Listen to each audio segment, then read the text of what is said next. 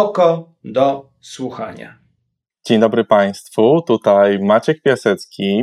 Zapraszam do podcastu Oko do Słuchania. Dzisiaj moimi gośćmi są Magdalena Chrzczonowicz, wicenaczelna OKO.press oraz Sebastian Klauziński z naszego działu śledczego. Witam Was bardzo serdecznie. Dzień dobry. Dzień dobry. Oboje piszecie w OKO.press o sprawach Kościoła, więc chciałbym, żebyśmy podsumowali na początek, powiedzieli naszym słuchaczom, co powinni zapamiętać z tych ostatnich e, tygodni, które dla Kościoła były wyjątkowo burzliwe. No rzeczywiście dużo się działo. To tak właściwie z, e, z ostatniego tygodnia czy dwóch, no to mamy ten bardzo głośny materiał e, TVN24 dotyczący mm, kardynała Stanisława Dziwisza i jego roli w tuszowaniu przestępstw seksualnych w Kościele. E, pewnie jeszcze później będziemy jakoś szczegółowo o tym rozmawiać, a więc teraz tylko tak zupełnie nagłówkami. To pierwsza historia, druga to wyrok Watykanu w sprawie kardynała Gulbinowicza, który mm, już kilka dni temu zmarł. No i trzecia sprawa, czyli e, watykański raport w sprawie byłego kardynała Teodora McCarricka, który no też wiele pokazuje z tego, jak Kościół za czasów pontyfikatu Jana Pawła II, jak radził sobie lub nie radził właśnie z problemem przestępstw seksualnych w Kościele. To chyba takie trzy najważniejsze rzeczy, przynajmniej z ostatnich, z ostatnich dni. No, jeszcze warto dodać o tym, co się dzieje w Polsce na ulicach. To znaczy, teraz już trochę protesty już nie są aż tak liczne, jak były, chociaż odbywają się cały czas, ale po 22 października, kiedy Trybunał Konstytucyjny Julii Przyłębskiej zakazał de facto aborcji, to znaczy zakazał jednej, jednej aborcji z, z jednej przyczyny, z jednej przesłanki, czyli przesłanki embryopatologicznej, i rzeczywiście ta złość Polaków i Polek obróciła się też bardzo mocno przeciwko Kościołowi, zwłaszcza w pierwszych momentach e, tego protestu, w strajku. I rzeczywiście to jest dosyć nowa rzecz. E, to znaczy, zaufanie do Kościoła katolickiego już już kilka razy spadało, już kilka razy były takie dołki, no ale jednak ono się utrzymywało dosyć wysokie. E, teraz po tych tygodniach rzeczywiście obserwujemy spadek zaufania do kościoła jeszcze większy. Protesty odbywały się po raz pierwszy pod kurią, pod kościołami i gdzie, gdzie kler jest rzeczywiście na sztandarach e, tych, tych protestów, więc to jest też jeszcze ważny kontekst, powiedziałabym, emocji, które teraz, e, które teraz w Polsce są, są ważne. Dlaczego o tych wszystkich rzeczach dowiadujemy się w jednym momencie? No, gdybym był wyznawcą jakichś teorii spiskowych albo bardzo chciał bronić tutaj kościoła, no to uznałbym, że to jest trochę podejrzane. Co wy o tym myślicie? No, ja myślę, że to jest tak, no, że w pewnym momencie się zbiera, tak?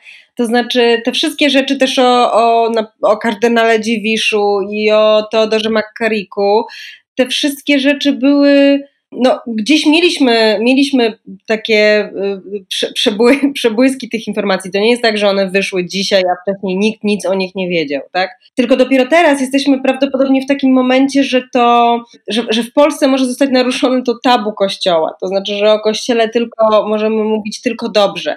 Że jeżeli krytykujemy to kościół, to bardzo, bardzo subtelnie i delikatnie. Teraz jest taki moment, jest taki klimat, powiedziałabym, że Polacy mają już trochę dosyć, mają dosyć krycia, mają dosyć tych tajemnic związanych z, z Kościołem i myślę, że y, po prostu lawinowo te rzeczy zaczynają wypływać. To nie jest tak, że coś się akurat wydarzyło w tym samym momencie. Po prostu łatwiej jest się z tym pogodzić, łatwiej jest na to przystać, że Kościół wygląda tak, jak wygląda, czyli jest to instytucja, która ma takie rzeczy na sumieniu po prostu. No rzeczywiście e, to znaczy tak, to też musiał być odpowiedni moment, bo na przykład z tym reportażem o kardynale Dziwiszu to trochę wydaje mi się, że jest tak jak z filmem Braci Sekielskich, tylko nie mów nikomu. To znaczy, że niby wszyscy wiedzieli o tych sprawach, czy przynajmniej o jakichś tam, gdzieś jakieś pogłoski o niektórych z nich, no a dopiero po prostu trzeba to było jakby zebrać i pokazać za jednym zamachem i, i, i najlepiej właśnie w formie takiego reportażu telewizyjnego, żeby to żeby to wszystko dopiero jakoś wybrzmiało. A co do raportu, na przykład w sprawie, w sprawie McCarricka, no to tutaj akurat po prostu jego publikacja była akurat zapowiedziana na, na ten czas, wyrok w sprawie kardynała Gulbinowicza, to, no to właściwie też są jakieś tam młyny Watykanu, no więc po prostu też trochę jest tak, że Kościół ma teraz po prostu zły czas, e, po prostu tak się to wszystko złożyło też trochę niefortunnie, ale też no trochę też przypadkowo, że te ostatnie tygodnie no nie są łatwe dla, E, dla szczególnie polskiego kościoła. Podkreślałam tu cały czas ten, ten e, znaczy, ponieważ w kościele cały czas coś się dzieje, tak? To znaczy te, te tajemnice, te zaniechania, te nadużycia, one są cały czas gdzieś wykrywane, natomiast po prostu też one się tak zbijają w jeden moment, no to nie wynika, nie, nie, sądzę, żeby tutaj stały za tym jakieś ciemne siły, tylko po prostu pokazuje, pokazuje gotowość, gotowość społeczeństwa do tego, żeby to jakoś przyjąć.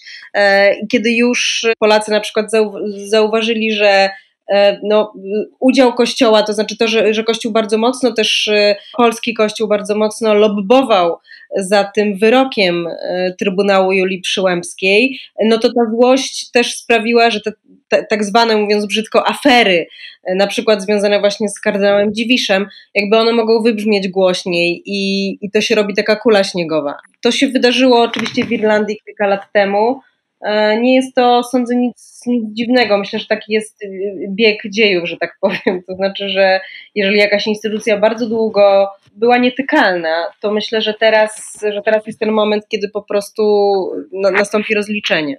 Czy to przyspieszy proces odwracania się Polaków od kościoła, czy właśnie ludzie się okopią, powiedzą, no dobrze, tak zawsze było, już dajmy spokój tym, tym księżom, niech to sobie załatwią we własnym gronie? No, moim zdaniem na pewno e, przyspieszy, bo to też widać po reakcjach na, na te materiały. To znaczy, że to rzeczywiście no, wzbudza jakieś. E, znaczy, to nie jest tak, że te emocje słabną i, i jakoś ludzie przyjmują te kolejne ujawniane sprawy, po prostu e, zbywają to, no tylko rzeczywiście jakoś ich to, ich to rusza. I, I no też trochę wydaje mi się, że e, wpływa też na to zmiana podejścia mediów, dziennikarzy do opisywania Kościoła. To znaczy, Kościół nie jest już traktowany przynajmniej e, nie tak jak jeszcze parę czy paręnaście lat temu, jako trochę taki podmiot, który, mm, z którym rozmawiamy, czy o którym piszemy, ale zawsze jednak, no zawsze jakoś tak jednak łagodniej niż na, na przykład o politykach.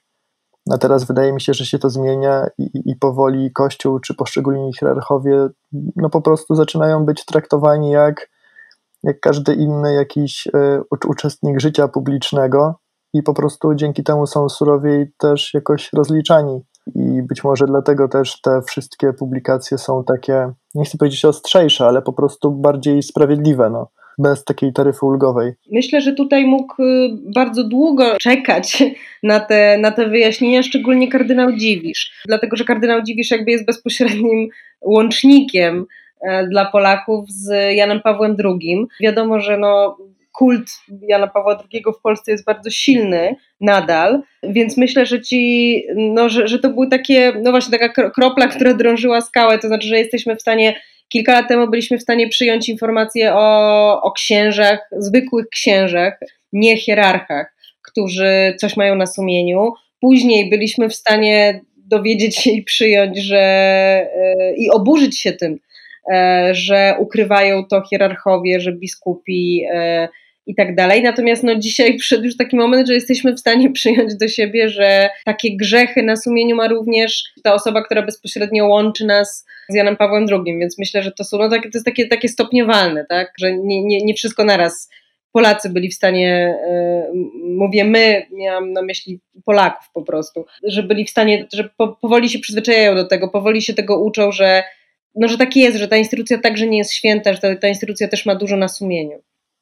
Właśnie tutaj e, chciałem, e, chciałbym też to właśnie podkreślić, że no rzeczywiście e, jeśli cofniemy się do momentu na przykład premiery filmu Tylko nie mów nikomu, no to właśnie byliśmy jednak na tym etapie, że chodziło głównie o księży, czy o jakby o, też o hierarchów, którzy ich kryli, ale na jakimś takim e, jakby poziomie zupełnych jakichś takich przypadków pojedynczych, no a od, od tamtego czasu, e, jeśli się przeniesiemy do po prostu do dnia dzisiejszego, no to nagle jest tak, że kilkunastu, że kilkunastu e, hierarchów polskiego kościoła e, po prostu e, ma sprawy w Watykanie. To znaczy, Watykan rzeczywiście zajmuje się tym, że ci biskupi tuszowali przestępstwa seksualne swoich księży podwładnych po prostu w swoich diecezjach. No więc jakoś nagle to przyspieszenie i ten skok, właśnie jeśli chodzi o rozliczanie hierarchów, no rzeczywiście jest jakiś niesamowity. No i to oczywiście się też jakoś zebrało w czasie, myślę, że wzmocniło ten gniew E, w Polsce, mówię teraz o Polsce, e, ten gniew na Kościół w związku z wyrokiem. E, to znaczy, w momencie, kiedy, widzi, kiedy Polacy z jednej strony widzą, jak dużo na sumieniu ma ta instytucja, a z drugiej strony bez przerwy słyszą ze strony hierarchów polskiego kościoła to pouczanie, ten, ten, tą taką moralne, moralną wyższość, szczególnie w kwestii aborcji właśnie, no to, to rzeczywiście mogło spowodować taką lawinę, tak? To znaczy, że, że ta złość się po prostu pod, pod, podwoiła i dlatego pierwszy raz te demonstracje poszły pod kurię, poszły pod kościoły, potem to się zmieniło, no ale pierwszy odruch taki był. Między innymi przez to, że hierarchowie też zareagowali entuzjastycznie na ten wyrok, niejako włączając się w politykę w tym momencie, tak? Więc nawet ci hierarchowie, którzy przestrzegali y, wcześniej przed y, łamaniem praworządności, którzy mówili, którzy dawali do zrozumienia, że PiS y, łamie praworządność, że PiS manipuluje niezależnymi instytucjami, no to teraz przyjęli jakby ten, ten wyrok, mimo tego, że są wątpliwości co do Trybunału Konstytucyjnego, tak? Czy, jest, czy Trybunał jest konstytucyjny rzeczywiście? Wiele osób z naszej redakcji było kiedyś blisko kościoła, sporo rozmawialiśmy o tym, jak od niego odchodziliśmy. Wydaje mi się, że to jest doświadczenie bardzo wielu Polaków. No, przede wszystkim takim doświadczeniem myślę, wielu osób, powiedzmy z mojego pokolenia, sądzę, że wśród osób 10-15 lat młodszych już jest trochę inaczej, no to było to, że ten kościół był wszech, to znaczy instytucja Kościoła wywierała tak ogromny wpływ na wszystko, co, z czym się stykaliśmy przede wszystkim w szkole. Y, też niezależnie od tego, czy nasi rodzice byli bardzo wierzący, czy nasi rodzice y, nas bardzo do tego kościoła zachęcali, czy też było im to obojętne, do kościoła zachęcała nas szkoła przede wszystkim. To się akurat nie zmieniło, szczególnie teraz, kiedy PiS y, no, wprowadził też do szkoły dodatkowe elementy religijne, Natomiast no nie, to, nie jest, to nie jest kwestia PiSu, to było od zawsze. Tak? Jak ja byłam w szkole, to było tak samo.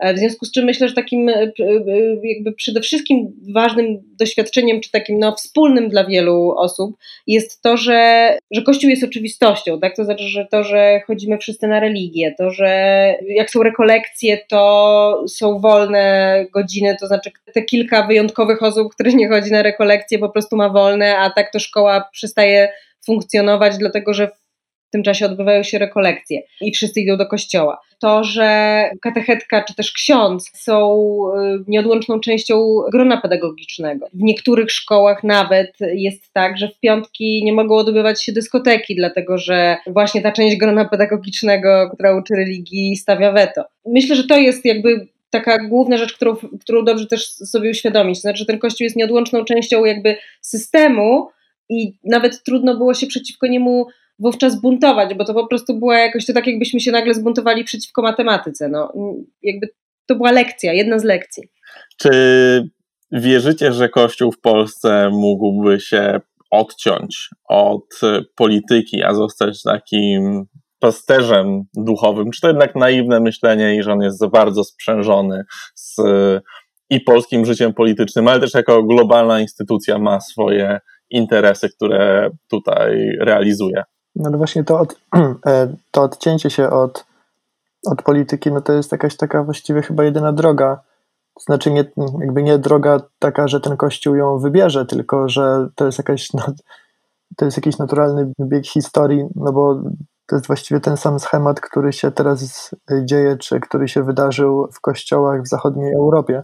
Na przykład e, już we wspomnianej Irlandii, gdzie kościół jeszcze 50 lat temu był właśnie być może jeszcze nawet bardziej niż w Polsce e, instytucją związaną z władzą, splecioną takim bardzo mocnym węzłem. No ale właśnie po, e, po ujawnieniu tych wszystkich skandali pedofilskich, właściwie w ciągu kilkunastu lat doszło do tego, no, że ten kościół teraz już jest na marginesie, takiego życia politycznego, to znaczy być może jeszcze zabiera głos w jakichś sprawach światopoglądowych, no ale jakby nie jest częścią jakiegoś sporu, jakiejś wojny o jakieś rzeczy światopoglądowe, po prostu zajmuje się bardziej no właściwie tym, czym powinien się chyba zajmować, to znaczy po prostu posługą religijną, ale jakby nie zajmuje się po prostu e, też polityką, no bo no bo wie, że już, że już zupełnie nie ma tam siły, że już zupełnie nie ma posłuchu. No i myślę, że, no, że z czasem to po prostu także czeka, także czeka i nasz Kościół, no bo jednak teraz już no to nowe pokolenie, które też widzimy na protestach, czyli tam obecni uczniowie liceów, no oni już zupełnie mają podejście do Kościoła właśnie takie, no już zupełnie nie na kolanach, no po prostu oni nie traktują Kościoła jako jakiegoś drogowskazu moralnego, który może im mówić, co mają robić albo nie. No i ta rola po prostu, znaczy Kościół będzie powoli schodził na taki margines, e, na taki margines jako jakiś tam ważny podmiot po prostu debaty publicznej. No moim zdaniem nie ma innej drogi.